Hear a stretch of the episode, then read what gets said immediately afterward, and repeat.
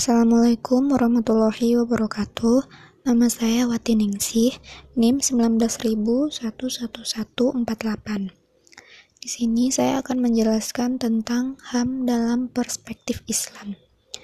Pada prinsipnya, persoalan hak asasi manusia dalam semua aspek merupakan bagian dari tujuan pendirian suatu negara. Bahkan dalam perspektif teori log, Perlindungan hak-hak kodrati atau hak asasi manusia merupakan dasar dalam pendirian suatu negara.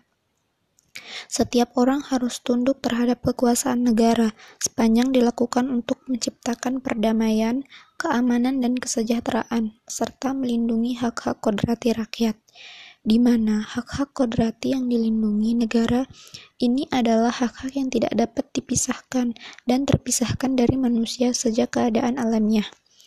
Cara pandang Islam terhadap HAM tidak terlepas dari cara pandangnya terhadap status dan fungsi manusia.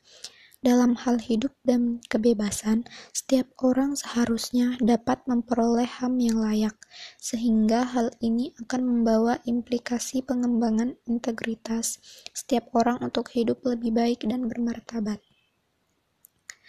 Gagasan ini membawa kepada semua tuntutan moral tentang bagaimana seharusnya manusia memperlakukan sesama manusia sesuai dengan martabatnya sebagai manusia.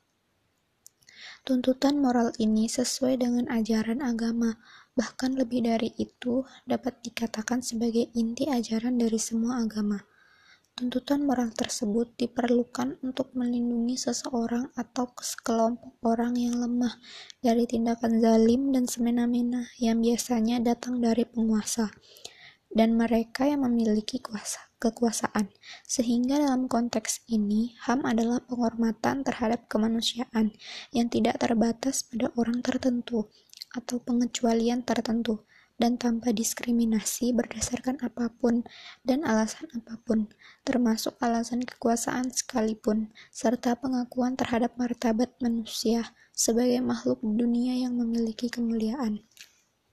Sekian yang yang dapat saya sampaikan. Lebih dan kurangnya mohon dimaafkan. Wassalamualaikum warahmatullahi wabarakatuh.